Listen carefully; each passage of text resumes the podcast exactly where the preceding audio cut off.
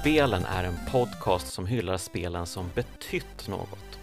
Vare sig det handlar om banbrytande gameplay-innovationer, nya narrativa nivåer eller estetiska genombrott så har alla kulturella verk som avhandlas i podden öppnat upp nya filer på den ettor och nollor drivna autoban vi kallar spelmediet.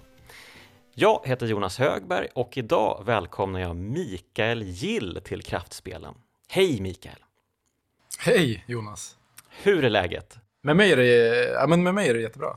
Um, du, får jag först bara säga superkul uh, att du gör den här podden. Eller Ja. det kanske jag ska säga efter, när liksom, om allting går bra. Just det. Men, men, Hold men, that men jag thought. att, Nej, fortsätt. ja, men jag tycker att det har varit så himla kul för att det, det är så här. Det känns lite som Jurassic Park för folk som har koll på liksom B, eh, B-spelskribenter från 00-talet. Alltså vi som fick börja skriva för Superplay när eh, Level skapades. Eller Ja, Reset just det. skapades. Precis. Att bara, det känns lite som att det är så här reunion-träffen. Eh, alla vi som satt vid det här långbordet på dataspelsbranschen, eh, eller dataspelsgalan, Mm. eller vad det nu hette. Ja, vad kan det ha varit? 2007, 2008. 2008? Ja, något sånt där. Eh, får man höra alla igen och liksom låtsas som att det inte har hänt någonting. Mm. Vi är ju precis samma personer. Eh, man kan låtsas det i alla fall. Ja, eh, och eh, precis, och det är ju en ganska medveten tanke faktiskt. Mhm. eh, tanken är ju då att, här kommer det stora avslöjandet. Nej, men tanken är att det ska fortsätta så under hela första säsongen Ehm, och eh, avslutas med ett hyllningsavsnitt till Superplay. Ehm, Wow. Så det, där har ni något att se fram emot, ja, kanske kring nyår Mäktigt. alla som lyssnar. Och även Mikael. Eh, Men nu ska vi inte prata om det. Vi ska prata, först och främst ska vi prata om dig. Vem är Mikael Gill? Jo, han är game designer på Coldwood Interactive. Um, och som du var inne på så har du ju även skrivit för publikationer som Superplay, Level och Nöjesguiden, bland annat. Och inte minst, du är ju en tredjedel av den ikoniska Bloggemapp-trion. Hur känns det? Eh, jag har alltid känt mig lite grann som att jag är ungen i baksätet. Det är Jimmy och Karl-Johan som, som kör. Och så fick jag bara följa, följa med så här, på lite tur. Eh, men eh, supermysig, eh, supermysigt gäng att få, få skriva med. Och något av det liksom, som jag är som mest stolt över eh, utifrån mitt spelskrivande, speljournalistgrejen. Liksom, att få ha varit en del av Mm. Bloggemapp och det som det var. Mm. Ja, verkligen. Eh, Den här fina boken som eh, jag antar framförallt Carl Johan gjorde, ehm, den är ju otroligt härlig att bläddra i och eh, herregud så många fantastiska texter att läsa Mm, finns där. verkligen. Ehm, det kan jag verkligen rekommendera folk att försöka få tag på en kopia av. Eller så kan man ju faktiskt gå in på bloggen också. Den finns ju kvar. Yes, ja och eh, ja, alltså, vad minns du från Superplay-eran när liksom allt sattes igång på allvar eh, för dig? Mm. Ehm, jag hade ju skrivit om spel några år innan det. På lite konstiga sidor och sen på GON som var en lite mindre konstig spelsida. Eh, och så pluggade jag journalistik eller kulturjournalistik på Umeå, Umeå universitet. Och så blev jag headhuntad av Thomas, eller Tommy med det, ehm, till Superplay då när allting gick ner där. Mm. Och det var ju superhäftigt. Alltså både så här att liksom få skriva eh, för, för tryckt media. Få, få läsa sina ord på papper. Eh, men också liksom få vara del i, i den här historiska tidningen och få, få vara med i den här nya vågen som vi väl kanske ändå kan säga att vi var. Mm. Eh, en ny generation speljournalister och spelskribenter. Eh, superkul. Och det, det var också en sån himla spännande tid tycker jag. Eh, Mm. liksom i spelbranschen eller spelmediet då. Eh, Ja, verkligen. Det hände ju så otroligt mycket med ehm, storytelling och ehm, liksom helt nya idéer bara kom från ingenstans Mm. och indiescenen exploderade och ja, är verkligen en um, storartad tid.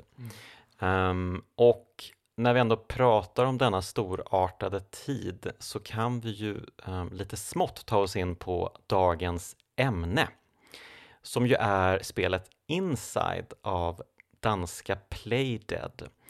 Och um, de var ju med på den där storartade tiden och gjorde Limbo. Mm.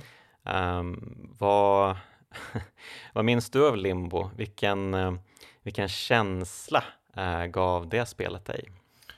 Uh, ja, alltså det var lite olika känslor var det ju. Det var ju dels liksom det här mäktiga som, som kom med att eh, ett litet team kunde göra ett ganska på pappret oansenligt spel och ändå få liksom den publiken och få den eh, spridningen på något sätt eh, tyckte jag var supercoolt. Och det var ju som ett av de här första lite större indiespelen. Eh, och sen spelet vad jag tycker var fantastiskt också. Det var ju superobehagligt och, och jätte, jättefint och stundtals jävligt frustrerande. uh, mm. Jag tycker jättemycket om det. Jag tänkte ju väldigt mycket på det när du, när du bad mig uh, välja ut ett spel. Att det här är ju egentligen, Limbo är ju egentligen ett bättre spel. Ett viktigare spel Mm. Men jag valde ändå Inside för att jag tycker att det, den uh, upplevelsen som Inside gav mig var ändå starkare trots att det var uh, vi befann oss på en annan plats när, när Inside släpptes än när, när Limbo kom. Ja men verkligen, jag håller ju verkligen med. Uh, Limbo gjorde ju saker som inte gjorts förut lite grann. Även om det ska sägas då självklart var en del av en tradition 2D-äventyrsspel mm. som kanske egentligen började med Another World. Mm. Um, ja, och som fortsatt med spel som Flashback och Heart of Darkness bland annat. Um, så, men grejen med Limbo var väl att det um, satsade ju på uh, stämning på ett helt annat sätt mm. och på tvetydighet som spel inte riktigt hade um, de hade inte rört sig den häraden riktigt. Um, och Inside är ju en vidareutveckling av samma teman egentligen. Det märks ju verkligen att det är ett spel av samma studio och uh, med, uh, ja men de rör sig ju med samma tematik och så, mm. helt klart. Um, ja, Eh, men eh, varför var du sugen på Inside? Eh, ja, men det var ju... Det, det, var ju, jag var i en ganska speciell sits själv när Inside släpptes. Det var nämligen så att jag började jobba på ett företag som heter Coldwood här, här i Umeå och var med och släppte Unravel som var ett 2D eh, plattformspusselspel kan man väl säga. Eh, och vi gjorde det, vi gjorde det färdigt och vi släppte det. Och eh, när vi hade gjort färdigt det så kände vi, ja men det var, det var ett fint spel, det har många styrkor men det har också en del svagheter som spel som vi ville liksom ta ett steg ifrån. Vi ville göra eh, ett lite snabbare, lite mer lekfullt eh, spel som uppföljare, som Unravel 2 blev då. Eh, mm. Så vi, vi tänkte väldigt mycket på det, hur vi skulle styra upp kontrollen, hur vi skulle liksom eh, ja, men, hur banorna skulle behöva vara sammansatta för att vi skulle kunna göra det på ett roligt sätt. Blanda pussel och ja, men mer plattformiga actionsekvenser eller vad man ska kalla det. Uh, och mitt i den processen, när vi höll på att liksom formulera vad Unravel 2 var, så släpptes Inside. Mm. Uh, och jag hade såklart sett fram emot det väldigt länge. Uh, men jag blev ändå helt förstörd av det. För jag tyckte det var så jävla bra. Och det, är så otroligt, det, är en, det är en ganska kort upplevelse. Det är ju bara tre, mellan tre och fem timmar beroende på hur mycket man fastnar på pusslen. Uh, mm. Jag tycker mm. den var så himla väl disponerad, uh, så jävla snygg och rak och ren och weird. Mm. Uh, mm. Och, och, kände liksom, oj, satan, de gick ju åt andra hållet. De gjorde ju liksom det vi gjorde med Unravel fast ännu mer åt andra hållet på något sätt än vad vi försökte göra med Unravel 2. Och, och jag tycker Unravel 2 blev ett superbra spel. Men jag, då var det också som att jag tänkte så här, just det, fan så hade man också kunnat gjort. Eh, jag, vet, jag vet inte om vi hade kunnat göra det, ska man väl säga också. Det, det, krävs ju såklart en massa saker, en massa kompetenser som vi kanske inte hade för att göra ett inside. Mm. Uh, men det var bara liksom, eh, som en del av en skapande grupp ett uppvaknande, kanske man kan säga. Eller en så här, att, en, överlag tycker jag att spelet är som en jävla käftsmäll liksom, på ett bra sätt. Jag, jag, jag, mm, mm. jag älskar hur det bara tar en i nackskinnet och släpar runt den genom den här, den här konstiga världen och bara dunkar ner den här och där. Och så kommer man ut på andra sidan och liksom vet inte riktigt vad fan det var som hände, men det var kul och fett. Mm. Nej men precis, uh, och jag håller med om att uh, ni har ju, jag tycker att det finns lite, lite samma stämningsbyggande i Unravel-spelen. Um, att man verkligen landar i en stämning och ja, även om det är ett gulligt plattformsspel så um, känns det som att det ligger någonting och pyr lite under ytan sådär. Um, men det är klart, i Inside så pyr det ju inte under ytan utan det är ju straight in your face verkligen. ja, jo, det, fin det finns ju absolut saker under ytan om man vill gräva liksom. Men, men och som sagt, vi försökte ju göra ett lite mer familjevänligt eh, spel än vad Playdead har försökt mm. göra med, med Inside och med Limbo. Eh, men, men absolut, det finns supermånga kontaktytor utöver stämningen också tycker jag. Att det här liksom att man berättar utan att berätta. Som ju absolut är ett, en av styrkorna med Inside. Det försökte vi också göra och vi, alltså, vi vet ju hur jävla svårt det är att göra det. Att få saker att eh, att, att make a sense, om man får säga så. Eh, ja. eh, får får man. Mm, man bör inte. Mm. Eh, nej men liksom eh, att berätta med miljö och med stämning och med animationer och, och skrapa bort all HUD eller GUI. Så här, att bara inte ha någon mm. överflödig information. Det är jättesvårt. Ja, jag tänkte på det när jag eh, tittade på spelets laddningssystem, uh, Insides mm. laddningssystem. Um, då ser man ju bara um, ett antal prickar um, längst ner på skärmen. Mm. Och sen så uh, använder man spaken för att gå um, vänster och höger uh, mellan prickarna. Och så får man ju bara stillbilder på var man uh, befinner sig i spelet mm. på varje prick. Liksom. Um, så till och med laddningssystemet lyckas vara väldigt avskalat men ändå väldigt tydligt. Snyggt! Supersnyggt! Snyggt jobbat. Ja, det, är, det är nästan, eller det är en av de här sakerna som jag tycker är det mäktigaste med Inside, att det är så det är så rent, det är så, så cleant rakt igenom. Alltså man har, man har lite text eh, liksom i starten och på no några ställen till, men oftast är det inte det. Alltså oftast är det, det finns ingen förklaring för något, utan det, det lämnar man till spelaren att tolka och att känna snarare än att ha laddningsskärmar med text. Vi, jag menar, vi hade också det i, i, i både Unravel 1 och 2, att vi ändå hade dikter som vi liksom ville sätta lite stämning mm. med.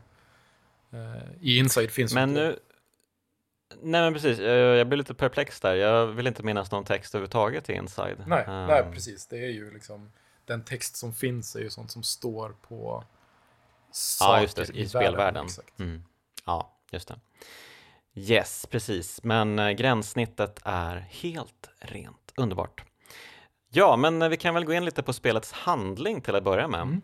Um, ja, så till den grad man förstår spelets mm. handling, ska väl sägas också.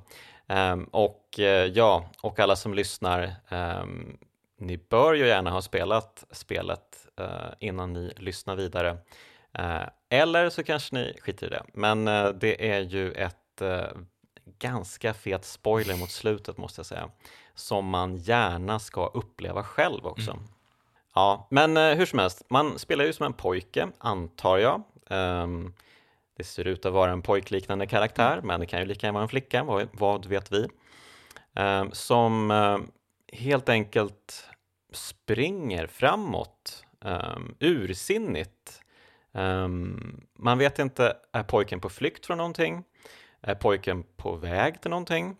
Oklart. Hur som helst, man rör sig eh, genom en skog till en början där lastbilar samlar ihop människor.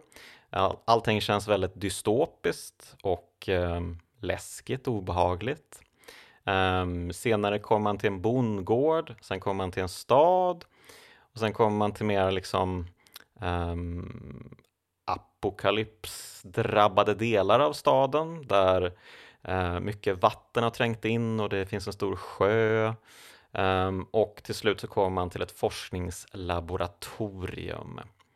Så det är liksom um, en Ja, men en resa får man ju verkligen säga mm. att spelet tar med en på. Um, vad, uh, vad känner du där i början av spelet um, när man rör sig mellan de här lastbilarna och den här uh, märkliga hissarna som uh, kommit ner från himlen via sladdar. Jaha, pod det känns liksom... Var... Precis. Ja, podd, poddhissarna. Mm. Det känns väldigt så här Independence Day samtidigt. Uh, vad är det som pågår mm. liksom? Um, vad, vad, känner du där liksom? Ja, men där är det verkligen den här uh, stämningsbyggandet som de bara etablerar på en gång. Den här lilla pojken som rasar ner från en liten sluttning och sen bara befinner sig i en natt eh, eller så höstskog mitt i natten och, och är superutsatt. Det finns män med ficklampor och gevär och hundar som man vet inte om, man, om de söker efter honom eller, eller liksom bara har hört honom eh, när, han, när han springer där. Men man känner sig så fruktansvärt ensam och liten och vill bara ta sig framåt eller därifrån. Och det enda sättet att ta sig därifrån eller framåt är ju att springa från vänster till höger. Eh, och det är ju, liksom, det drabbar en direkt. Mm. Ja, man känner sig utsatt helt klart. Um, Eh, en, en, eh, konstig grej som jag tänkte på när spelet precis startade är ju att uh, titeln presenteras um, och titeln är alltså då Playdeads Inside. Mm. Um, väldigt tydligt här. Um, hade ni någonsin några funderingar på att uh, stava ut det liksom Cold Woods Unravel på samma sätt? Nej, det, det var inget vi diskuterade någonsin. Ja, det är ändå lite speciellt får man säga. Um, det känns som att de, uh, de vet att det här är bra och uh, det är lika bra att, ni, att vi, vi som spelar lär oss vilka det är som har gjort spelet. Um, så det är väldigt kaxigt tycker jag att bara bläma på liksom uh, företagets titel. Mm, jo, det finns någon, någon slags kaxighet kring Playdead tycker jag. Jag tycker att det, det är ju hearsay rykten och allt möjligt såklart. Men jag, jag får ändå den känslan av att de tycker att de kanske är lite bättre. och jag menar, gör man spel som inside då är det väl okej okay att tycka det. Men Ja, alltså jag tror ju att det är viktigt att ha, eh, att ha det där. Eh, att verkligen tro att man är något eh, för att kunna göra bra saker. Mm, kanske inte kanske inte alltid, men jag tror att det ändå är viktigt att ha någon liten, um, uh, att inte liksom bry sig om omvärlden mm. på så sätt. Um, och det verkar ju de inte göra. Och de har ju fått uh, backning också från danska filminstitutet, så jag antar att de tänker sig liksom stå um, ja, men på equal footing med filmbranschen och kanske den lite mer Porsche delen av filmbranschen. Mm. Ja, ja. Men eh, nog om det. Jag håller med. Inledningen är ju fantastisk och eh, det, de gör så mycket med, eh, det känns som en surround-upplevelse också tycker mm. jag. Det är mycket ljudarbete som är riktigt snyggt också. Verkligen. Vinden bara susar och um, alla de här metalliska ljuden från alla ja, men lastbilar och hissar och allt mm. möjligt och lastbilar som står och brummar och just det här att det fanns någon gång då pojken springer över en liten vattenpöl eller vattendrag och så tror jag man ser en lastbil som sätter igång sina ljus i mörkret. Um, och då känns det ju som att um, uh, den här ljusstrålen um, den känns mer som en skugga över scenen än som ett ljus över scenen. Mm. väldigt snyggt eh, sätt att vända på det. Um, och det är ju väldigt dimmigt och man ser inte så bra. Och det är mycket saker som rör sig i bakgrunden som man ska hålla koll på. Ehm, uh, och man ser pojken titta uh, mot bakgrunden också och hålla koll på det som sker. Um, så det gör ju att man själv engagerar sig i det också. Det är ju ett väldigt smart sätt att uh, du ska hålla blicken där borta nu. Mm. Jo, det är intressant det här med att göra ett 2D-spel och sen är det nästan ingenting som utspelar sig på det planet där du är låst till. Liksom. Mm. Att mm. Det är så otroligt mycket som du måste göra. Du, du kan gömma dig eller du kan flytta på, på saker liksom, på ditt plan, på din lilla, i din lilla, lilla dimension. Men allting som är farligt eller allting som du måste hålla koll på finns någon annanstans, antingen framför eller bakom dig eller ovanför dig eller vad det nu kan vara. Liksom. Det tycker jag är mm. supersnyggt och, och väldigt, eh, väldigt coolt. Det känns väldigt mycket som en bara så här evigt scrollande teaterscen på något sätt. ja, vilken fin analogi. Uh, ja, men verkligen. Uh, och uh, de här hundarna blir man ju direkt livrädd för. Mm. man måste ju verkligen springa med en exakthet mm. så fort någonting händer. vilket man ju inte alltid är helt klar över att liksom påverkar det här mig nu mm. att den där hunden börjar skälla eller vad är det som pågår? Okej, okay, jag måste springa. Aj då, jag blev uppäten. Um, och sen så kommer man tillbaka typ 10 sekunder senare um, och ja, måste liksom ha uh, spaken framåt direkt från början för att uh, klara sig förbi den här cutscenen, mm. eller den här delen. Uh, ja, hundarna är jätteläskiga, jättebra ljud från dem. De skäller ju som det är satan, alltså, Ljudet är rakt igenom superhäftigt och det kommer vi säkert komma tillbaka till senare också. Men, men, mm, men liksom mm. det här med att du dyker ner under vattnet och, och liksom det, allting låter på ett annat sätt. Uh, mm. Hundarna, hur de låter uh, och allt det här liksom lite gammeldags. Det känns ju som att det är liksom förr i tiden på något sätt. Fast det är ändå liksom in, insplicat de här ufo poddarna eller liksom den här konstiga mm. eh, elektroniken och mekaniken som finns. Eh, mm. Blandat med de här, det här primala hundjakten eh, och, och, skräcken som också finns där. Liksom. Mm. Ja men verkligen, ja precis. Man tänker på det när man ser datorer och sånt eh, i bakgrunden. De, de känns ju väldigt så här typ 90-talsaktiga mm. nästan. Um, ja, jag tänker nästan alltså, ännu eller jag, tänk, jag tänker jättemycket på den här Fahrenheit 451-filmatiseringen. Att det känns mm. lite som att det är det, och det var väl 60-tal kanske. Och, och, och THX 1138 är också en sån här, känns också som att det finns kopplingar till de så här gammal sci-fi. Mm. Um, ja, absolut. Um, det skedde ju mycket där på 60-70-talet. Mycket um, postapokalyptiska och dystopiska filmer som uh, dök upp. Um, ja, och man blir ju ganska snart klar över att uh, människorna i den här världen verkar um, ja, antingen vara tomma skal um, eller så är de förrädare, lite oklart kanske.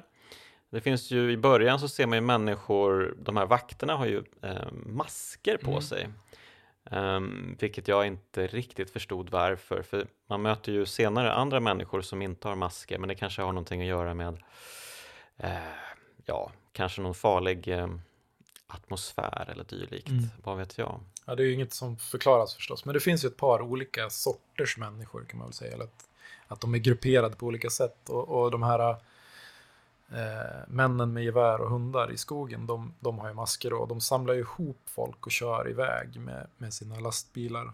Och sen förstår man att de lastar av dem där vid staden. Eller så tolkar jag mm. i alla fall, att det är där, dit de mm. kommer.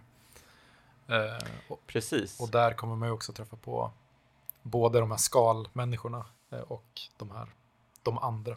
Yes. Eh, men innan vi kommer dit bara snabbt eh, på den här bondgården. Mm. Eh, det, det, sker ju en sak här som jag tyckte var väldigt signifikativ för spelet, att det här är ett väldigt brutalt spel. Um, man, när man kommer in på den här bondgården så är det ju döda grisar i högar överallt. Det är ju en otroligt obehaglig scen mm. och det regnar ju, det hällregnar verkligen. Um, och mitt i allt det här så samlas, ja vad kan det vara, hundra kycklingar kring pojkens uh, fötter som låter som bjällror. Väldigt specifikt ljud och konstigt. Um, och de, ja, kycklingar eller ankungar, för det känns ju som att de ser pojken som sin förälder, uh, som att de helt plötsligt, nu äntligen en levande varelse, en mamma eller pappa, åh vad skönt. Låt oss följa efter. Eh, men pojken kom ju sen in i bondgården och eh, använde ju då en sorts, ja vad ska man kalla det, en sädessug av något slag ehm, som alltså kan suga upp säd och spotta ut det på annat håll. Ehm, och då måste man använda kycklingarna i ett väldigt diaboliskt pussel eh, där man använder kycklingarna som ja, men kulspruteammunition helt enkelt. Mm. Man lurar dem att um, uh, gå förbi den här sädessugen så att de kan skjuta ner en låda som gör att man själv kan hoppa vidare eh, upp på avsatsen och ta sig vidare genom mm. spelet. Mm. Um, väldigt brutalt, väldigt roligt och uh, samtidigt, ja, man undrar ju lite över den här pojken också. Han uh, verkar inte dra sig för något riktigt. Nej, jag vet inte, jag vet inte riktigt hur medveten pojken är om just den här grejen. Att det, att det liksom var ett medvetet sätt för honom att ta sig vidare just där. Men Eh, mm. Men absolut, den här tematiken återkommer ju också, att det, att det är mindre, kanske inte riktigt lika intelligenta varelser som flockas kring pojken och som poj mm. pojken använder mm. på olika sätt. Eh, det här är ju bara som en, en gullig slash brutal början på allting. ja, men eh, precis. Men sen kommer vi in i staden och så blir det lite, vad ska man säga, lite Half-Life 2-vibbar nästan. Mm. Um, det är folk som går i led. Det är um, stora höghus. Det är flykt. Och man hamnar ju faktiskt i det där ledet också. Um, och, blir, och tvingas själv agera hjärndöd. Um, vad, vad vill spelet säga med det? Är det bara en kul liten grej eller? Finns det något där? Jag tror ju att det finns något där. Jag vet inte riktigt vad. men, men, men, absolut, det, det, är ju den här grejen med att försöka passa in då i, i liksom ledet så att man inte sticker ut för mycket så att man sen liksom Eh, ja, man överlever för stunden och sen kan ta sig vidare på något sätt. Det finns ju säkert någon, någon metafor där som, som är eh, viktig. Som undslipper oss just nu. Um, Ja, det, det känns ju som att uh, det finns ganska många sådana. Um, ehm, och, uh, men det, det händer massa kul grejer. Man snor en ubåt, man bryter igenom um, golvet ut i något sorts hav eller en mindre sjö. Mm. Man åker runt med ubåten, det är lite pussel uh, där. Man, man pusslar med människor. Man får ju den här järnkontrollshjälmen framför allt. Mm. Um, och det är ju, som du var inne på, det är ju lite, man kommer ju bland annat till en sektion där pojken kontrollerar en människa som tar på sig en annan hjärnkontrollshjälm och kontrollerar en annan mm. människa. Och sen kontrollerar ju vi pojken också. Mm. Um, eller, vem är det som kontrollerar pojken egentligen? Ah, man blir helt tokig. Det är så många lager. det, här, det finns ju jättemånga teorier, vi kanske återkommer till det sen, jag vet inte. Ja, men det gör vi. Okay. Absolut, jag tänkte att vi drar igenom det som mm, händer först, absolut. Så att man sen kan, kanske kan komma tillbaka till det. Um, ja, och det kommer ju en sekvens där de här tryckvågarna dyker mm. upp.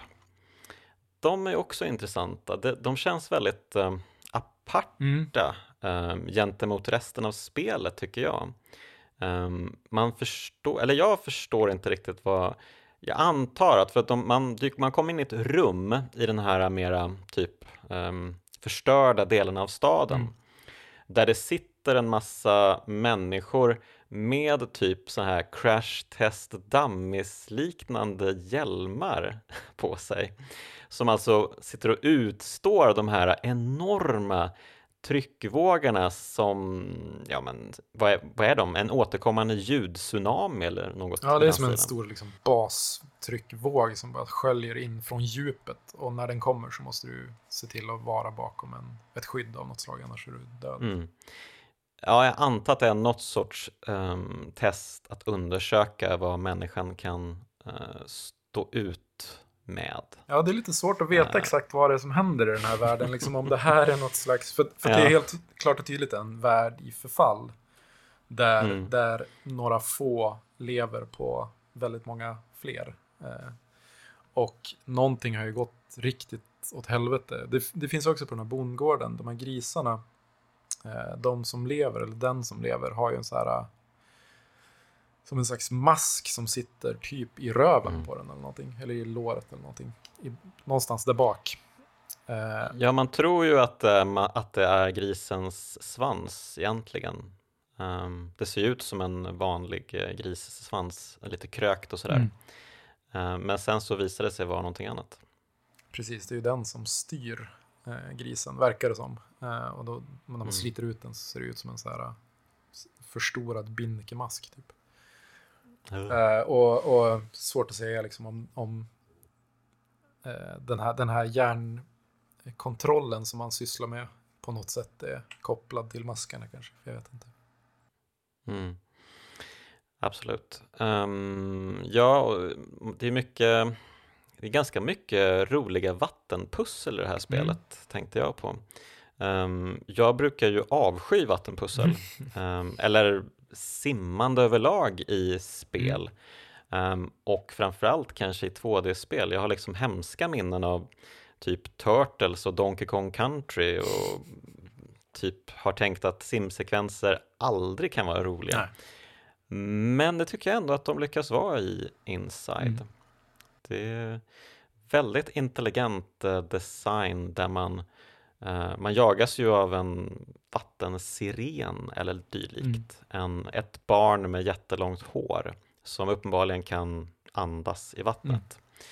Och eh, det finns massa ehm, ganska briljanta eh, små pussel kring just eh, vatten och eh, eh, öppna dörrar och eh, simma förbi och simma undan och ja, det är riktigt snyggt gjort Mm. tycker jag. Ja, de, de pusslen är ju liksom oftast eh, fysikbaserade på något sätt. Och Mm. vattnet blir ett sätt att liksom eh, flippa det lite grann eller, eller liksom lägga någon slags annat lager på fysiken. Eh, sen har de ju också Mm. platser där gravitationen verkar vara satt ur spel eller Mm. påverka saker på, på olika sätt. Där man kan höja och sänka en vatten, vattennivåer liksom i taket. eh, för att lyfta Ja, saker. det är en fantastisk syn alltså. Supercoolt. Verkligen. Mm. Ja, och eh, det händer ju något eh, väldigt speciellt efter ett tag. Man är ju jagad av den här vattensirenen, men till slut så får ju hon tag i pojken och pojken dör. Eller vad är det som händer? Ja, det är väl ett sätt att tolka det. Alltså hon, hon har jagat den som sagt under en ganska lång del av spelet då. Eh, och varje gång hon får tag på en innan så har hon dödat den. Men i det här fallet då har man tagit sig jag vet inte om, om man har klarat hennes prov eller någonting, men det, det som händer är att hon drar ner den i djupet och eh, när man, precis när man tror att man är död så sätter hon in någon slags slang eller sladd i magen. Eh, och eh, ja, man, man liksom sjunker ner till botten och sen börjar man, eh, får man tillbaka kontrollen och man lever igen. Det verkar som att man kan andas under vattnet. Mm. Ja, precis. Eh, och jag vet inte om, jag tror att det var första gången när man ligger på vattenbotten som man ser hotfulla objekt i förgrunden. Ehm, jag tror inte att man har sett det tidigare i spelet på samma sätt. Att, Ja, jag tror att sirenen ser man väl någon gång tidigare. Alltså de, de, de eh, kör en sån här foreshadowing-grej med henne ganska tidigt i vatten. Okej, okej. Men då kanske det är just vattencentrerat då. Ehm, De här människorna som också hänger från de här sladdarna i botten. Ehm, Precis, och som sen dyker upp igen när man kommer till de här bisarra um, upp och nedvända vattenansamlingarna Mm. som du pratade om. Ehm, där man också uh, väldigt roliga pussel. Ehm, ja, och pojken verkar då leva. Eh, han fortsätter sin färd framåt. ehm, kommer in i men typ Blade Runner-stora byggnader som är typ det här stora forskningslaboratoriumet. Och precis innan man själv eh, ger sig in där eh, så kommer man ju upp ovanför via en annan skyskrapa och tittar ner mot den här forskningsanläggningen. Och där ser man, tror jag, en annan pojke springa in genom porten och sen jagas av andra människor. Mm -hmm. Så frågan är, ja, vad är det som pågår? Frågan lyder. Ja, eh, jag har inte svaret. Men, eh, men eh, ja, men slutet då. Um, herregud, vilket slut, ja, Mikael. Helt, herregud. Helt otroligt. Det finns ju några punkter i spelet som är verkligen så här, där man bara sitter, man släpper handkontrollen och bara lutar sig tillbaka och, och, och så här förstår verkligen inte vad som händer, men det är så jävla coolt. Och, och den här när man dränks, det är ju en, en sån stund tycker jag där. Bara, vad i mm. helvete händer nu? Mm. Men det, allting överskuggas ju av det som händer i slutet.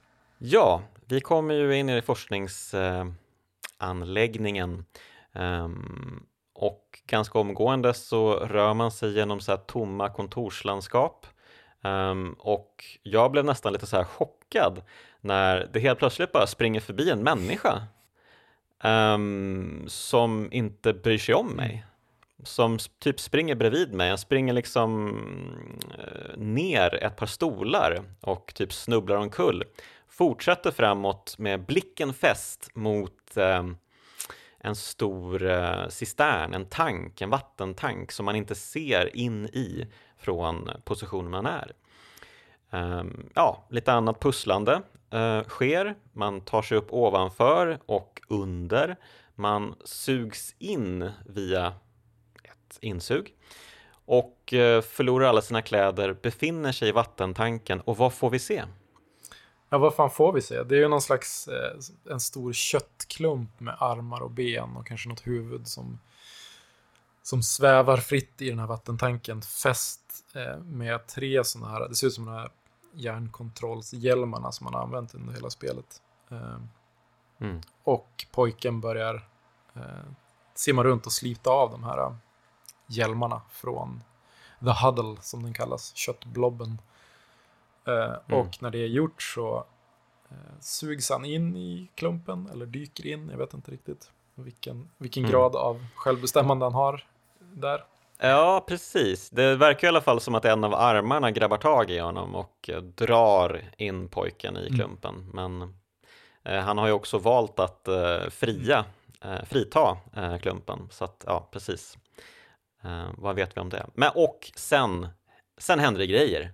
Ja, sen flippas ju allting upp och ner. Eh, det, liksom, det har gått från att vara jagad i 80% av spelet till att springa bredvid vettskrämda vetenskapsmän till att nu vara eh, Apex Predator. Liksom. Det är du som rasar ut genom den här glastanken och krossar vetenskapsmän och bara liksom sköljer över det här kontorslandskapet, krossar allt i din väg och bara rasar genom golvet när golvet inte är tungt nog, eller hårt nog för att bära dig. Och, och liksom, du blir någon slags eh, kaiju-monster nästan. bara, ingenting kan stoppa dig. Mm. Ja, det kändes väldigt uh, Akira, uh, väl, väldigt japanskt mm. överlag, den här uh, bisarra avslutningen. Um, och uh, det är ju som du säger, det är ju liksom bara kaos som sker. Uh, och samtidigt så är det ju lite pusslande också. det blir ju lite så här lite halvlugna sekvenser uh, fortfarande medan man spelar som den här konstiga The Huddle.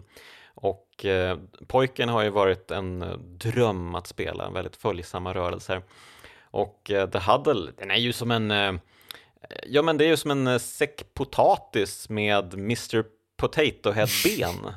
Um, så helt omöjlig nästan. Den bara rasar framåt och runt och omkull och den har nästan lite så här klistrighet för att den rör sig med de här armarna och benen som liksom försöker ta sig framåt som en sorts tusenfoting som är helt oformlig. Mm. Ja, det är liksom. supercoolt. Jag gillar verkligen den här grejen. Man håller, man, man, det känns som du säger att man styrde en karaktär tidigare och nu vet man inte riktigt i vilken grad man, det är jag som styr riktigt.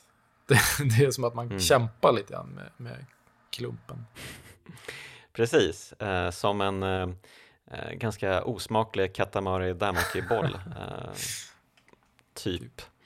Och eh, ja, och, och, det är ju det lustiga är ju då att eh, bollen verkar ju då fly det här forskningslaboratoriet men vid några av de här pusseldelarna så får den ju hjälp av uh, människor. Um, också en lite så här märklig detalj i spelet. Um, gör de det bara för att de är rädda för klumpen? Att de vill, ja men typ dra då, vi hjälper mm. dig dra. Så länge du uh, inte dödar mm. oss typ. Uh, eller ligger det någonting bakom allt detta?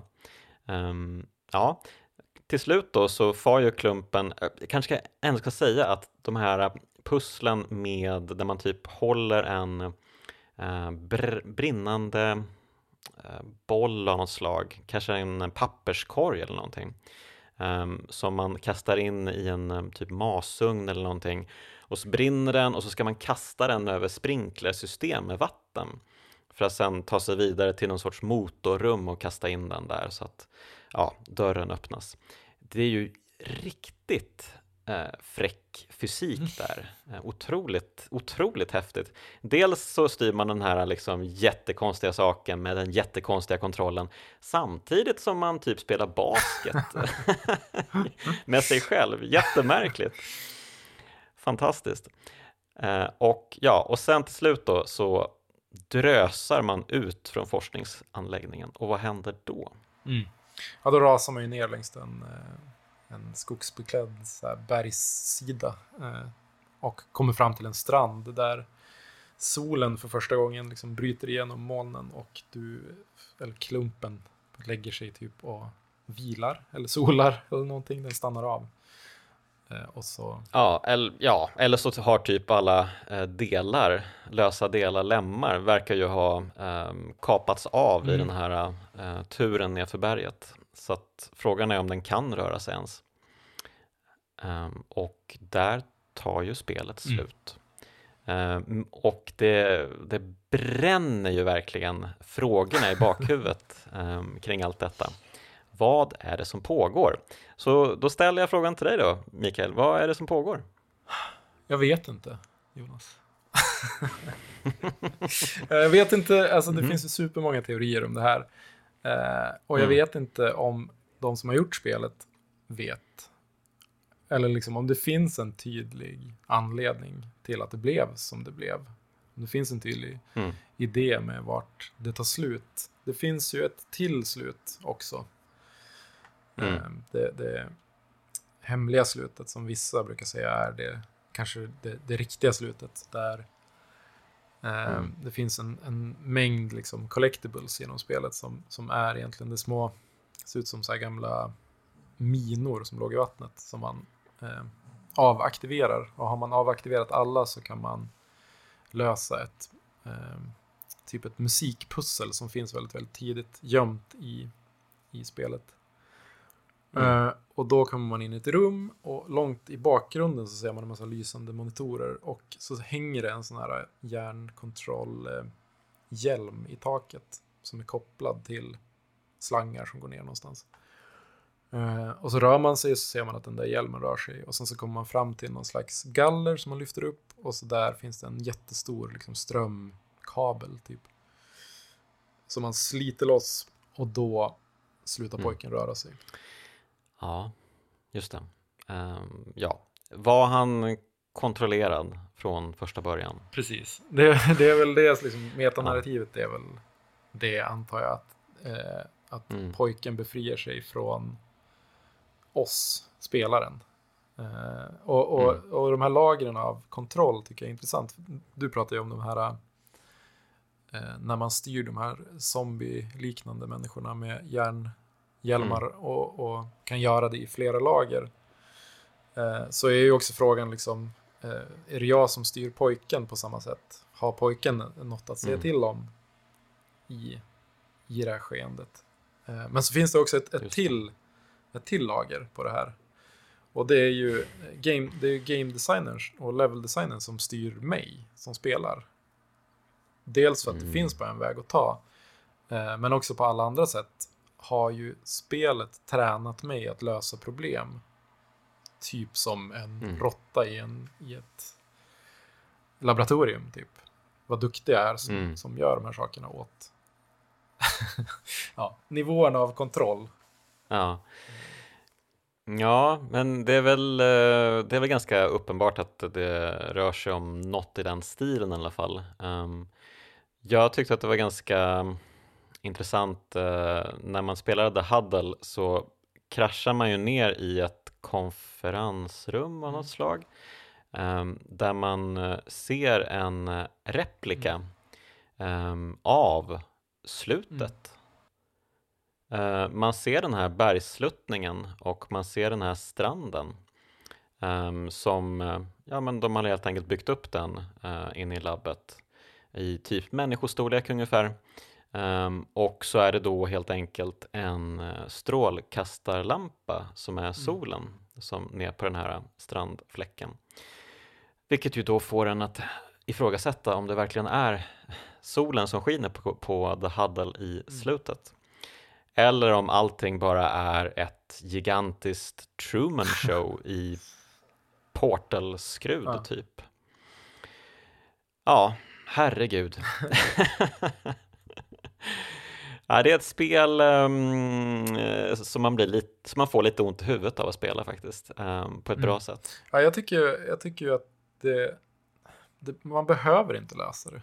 Jag tycker att liksom känslan Mm. som man lämnas med på något sätt. Jag såg det ju som att, eh, att Hadden fortsatte leva och blev fri.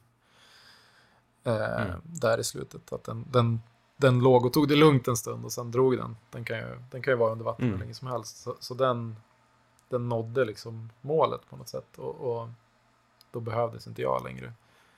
Eh, Mm. Och sen är det ju så- såklart superkul att läsa alla de här teorierna om att ja, men det kanske var The Huddle som styrde pojken från början. Det här kanske Mm.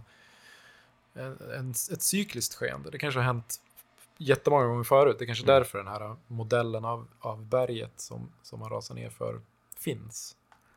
Eh, och det är kanske därför vi ser den här pojken då, som springer in jagad i, i byggnaden tidigare. Det kanske bara är cykliskt på samma sätt som Limbo ju också var cykliskt. Liksom att, Mm. att när det tog slut så började det om. Är det ytterligare en skärseld helt Ja, enkelt? exakt. Mm. Vad, vad står titeln för tror du? Oj, det, det har jag faktiskt aldrig tänkt på. Varför heter spelet Inside? Har du någon teori? Eh, oj, bara en half-baked Mm, kanske. Ehm, ja, alltså det handlar väl som vi egentligen redan varit inne på, att vi tar oss in i andra människor. Ehm, att vi alltid liksom går ett steg inåt eh, hela tiden. Och det sker ju också själva ehm, resan. Man börjar ju utifrån i skogen, tar sig in i staden och inomhus i forskningslaboratoriet och eh, vi tar oss in i The Huddle ehm, och aldrig ut igen. Ehm, så att eh, det känns väl som att eh, de har byggt eh, tematiken kring titeln på Mm. något sätt. ehm, på så sätt. Men ja, det är lite luddigt kanske, men ehm, Som allt annat. som spelet, ja exakt, som allt annat. Men då, varför är det ett eh, viktigt spel tycker du? Varför är det kraftspel? Alltså dels tycker jag att, att upplevelsen är så jävla kraftig på något sätt så att den förtjänas, Mm. att, äh, förtjänas att lyftas. här. Men, men jag tycker också att det finns någonting med 2D, eh, 2D-genren eller 2D-sättet liksom, sättet att bygga spel som är så pass inbakat i, i spelmediets DNA på något sätt. Så att det här är en väldigt stor del av vad ett spel är. Fast liksom nerkokat och utspätt, eller liksom ren, ren eh, kokat. Jag vet inte, vad- jag vet inte vad, jag ska säga riktigt.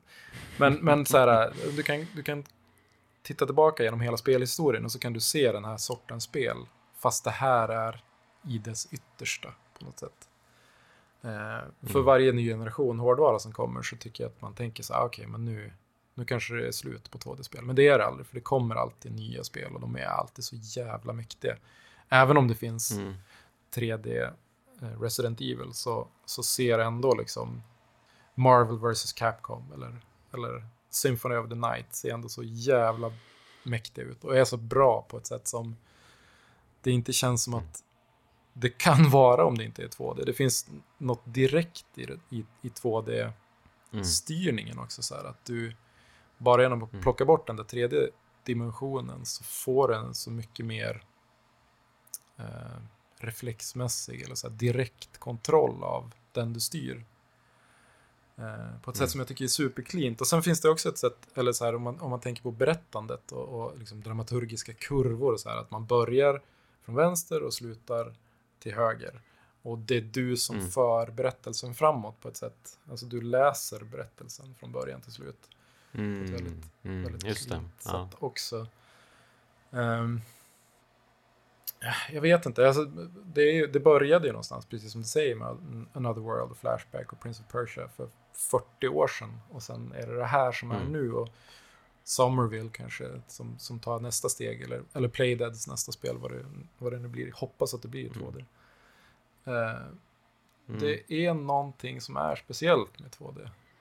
ehm, mm, tycker jag, som, mm. som ja. är värt att, att fortsätta odla eller förfina. Liksom. Mm. Ja, men eh, jag håller verkligen med. Ehm, det är den absolut renaste formen av speldesign, tycker Mm. jag. Ehm, och eh, väl värd att fortsätta utforska. Det kan inte vara, ehm, vi kan inte ha sett allt man kan göra med 2D-mekaniken. Det måste finnas en ytterligare dimension som inte är den tredje. Ja, jag hoppas att eh, du hittar den eh, Mikael.